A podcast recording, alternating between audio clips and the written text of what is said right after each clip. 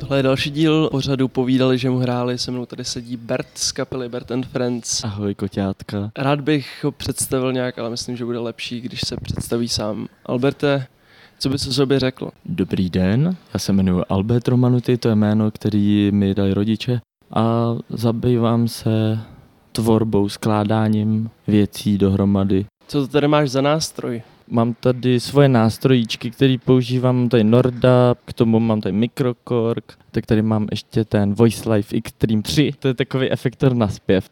A ten Nord vlastně tak je dobrý kvůli tomu, že je hodně flexibilní a je to tak dělaný jako docela pro jako blbce, že když znáš vlastně ty zvuky, co se tam dělají, tak jednoduše to na tom můžeš všechno nastavit. Měl jsi něco předtím, nebo je to tvůj první takový lesinďák? Ale předtím jsem hrál na MIDI nástroj přes iPad a nosil jsem to na Vlachovku, kde jsem hrál s orchestrem a nosil jsem to v pouzdře na lyže. Dokázal bys využít ty presety, které ten nástroj nabízel předtím aspoň z poloviny, nebo je jich prostě tolik, že člověk nemá prostě šanci se s tím pořádně naučit. Prostě víš co, ty si můžeš vytvořit ty presety sám, to je prostě dělaný jenom proto, jako, aby ti to možná ukázalo jenom, co z toho můžeš udělat, ale jinak jako když víš, jak se ty zvuky dělají a prostě eh, máš nějaký, jako nějakou představu, tak to prostě si uděláš sám úplně na pohodičku. Dáš si cigárko, kafičko, prostě pivečko a všechno to pak jde úplně hladce, jestli mi rozumíš. Kázal bys mi nějak předvést, jak tenhle nástroj vlastně funguje, když chce člověk z nějakého zvuku, který zná, udělat třeba nějaký úplně jiný? Třeba, hej, nedávno jsem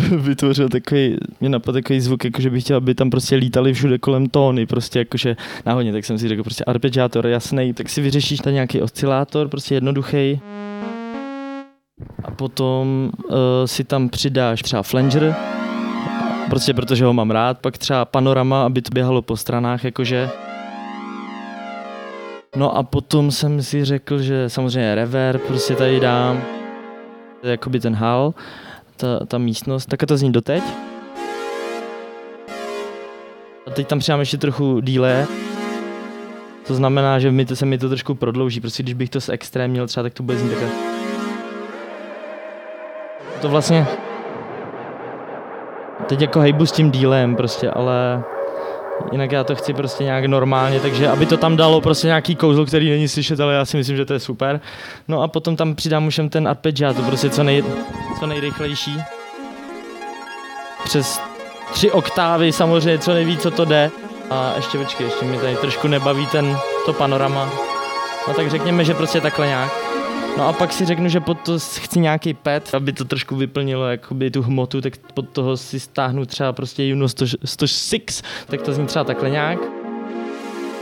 Trochu tomu uberu ten filtr a prostě přidám to k tomu původnímu zvuku a prostě nakonec to zní takhle.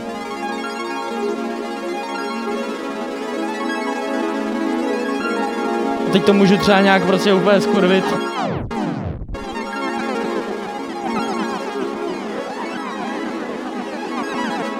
A prostě pod to pak můžu zpívat prostě nějaký halekání, třeba takhle. Jo. Už nechci zpět do zámoří a oceánu. Zažít deset let v klášteřích, chce to jen sílu. Tak to byly všechny funkce Albertových synťáků. Teda zdaleka ne všechny, zhruba půl procenta z nich. Má ten tvůj nástroj duši? Jako myslím si, že každý nástroj obecně tak uh, prostě přináší nějakou inspiraci. Když by ten synťák vypadal třeba nějak futuristicky, hrozně jako fetišisticky, tak bych na to hrál asi takovouhle hudbu, no. Když by byl úplně neutrální, tak možná bych nebyl tak ovlivňovaný tím. Nebo víš co, když třeba dostaneš nějak pod ruku nějaký starý synťák, což se určitě děje všem lidem, tak prostě na to začneš hrát, všechno tě ovlivňuje, víš co, no. Vytváříš si ty samply i z ruchů okolních, nebo, nebo si je vytváříš jenom uměle v, to, v rámci tohohle setu?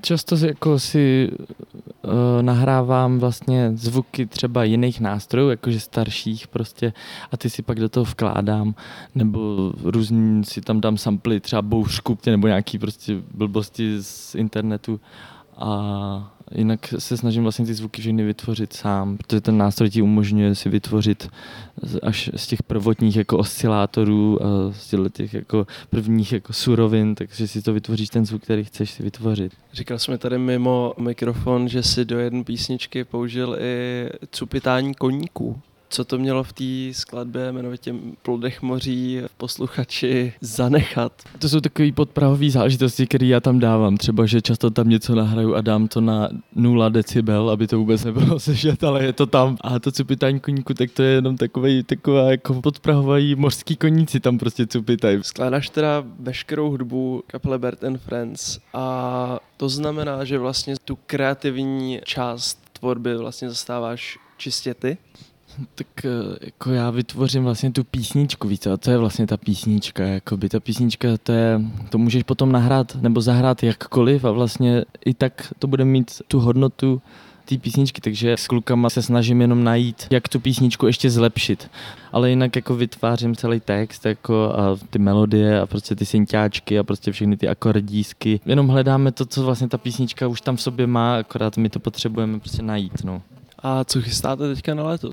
Chystáme bomba, nový hit, Lupanarium, a, který vyjde teď během pár dnů, a, nebo možná už vyšel. To si myslím, že bude krásná písnička. To, to bude v takovém hávu jakože večerního letního songu, prostě když seš když jsi u ohně a vlastně by to mělo tak jako vyklidnit Prostě beru to jako takový drahokam. Máš nějaký all-time favorite zvuk, který mu jako inklinuješ nejčastěji?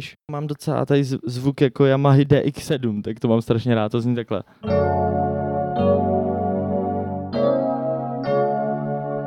Co ti na něm tak jako sedí? Jakože mi to přijde takový růžový a růžovou mám rád. Růžový bude váš další single, nebo se od téhle barvy tentokrát trochu distancuješ? No, další single právě bude nejrůžovější, no. Dokázal bychom prostě zahrát aspoň náznak té růžovosti, která v Lupanáriu bude? Růžový dým lupanária, vdechla život a pak mě objala.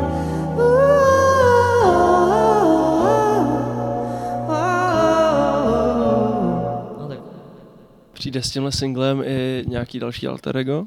Oh, hej, hej. Jo, myslím si, že přijde asi, asi jo, asi už je na světě. Každopádně bude mít za úkol člověku zbuzovat pocity, jako kdyby seděl u táboráku a koupal se v karamelu. Jako vidím to v takový, jako v takovém takový pozitivní hypnoze, prostě jakože, že vám vlastně řekne, nebo i mě, jak se vlastně máte cítit. Co je to lupanárium? Lupanárium je ta písnička. Vlastně tomu slovu dáme novou hodnotu, ale eh, vlastně archaicky, tak lupanárium znamená jakože bordel nebo nevěstinec. Jakou roli má v písničce tvůj uh, synťákový set? Je tam asi 150 tracků všech syntů a jinak mimochodem uh, ještě jsme natočili tam zbor, že tam, bude, že tam zpívá tak jako docela pod Prahově prostě zbor s Ústí nad Labem. Co plánujete s kapelou do budoucna? Jako máme ještě do toho roku 2050 co dělat trošku, takže vlastně tohle předsevzetí uh, je nám dáno z hůry a žijeme jenom stejně twice. Co to znamená? No, že žijeme jenom stejně twice, prostě si představ takovou třeba reklamu na nějaký hinduismus nebo tak. Neviděl jsem žádnou reklamu na hinduismus, každopádně já ti děkuji za rozhovor. Poslední otázka, jak se máš dneska? Mám se krásně, strašně děkuji taky moc za rozhovory, to tady bylo to strašně příjemný, fluently, všechno a děkuji moc a mějte se všichni krásně a děkuji.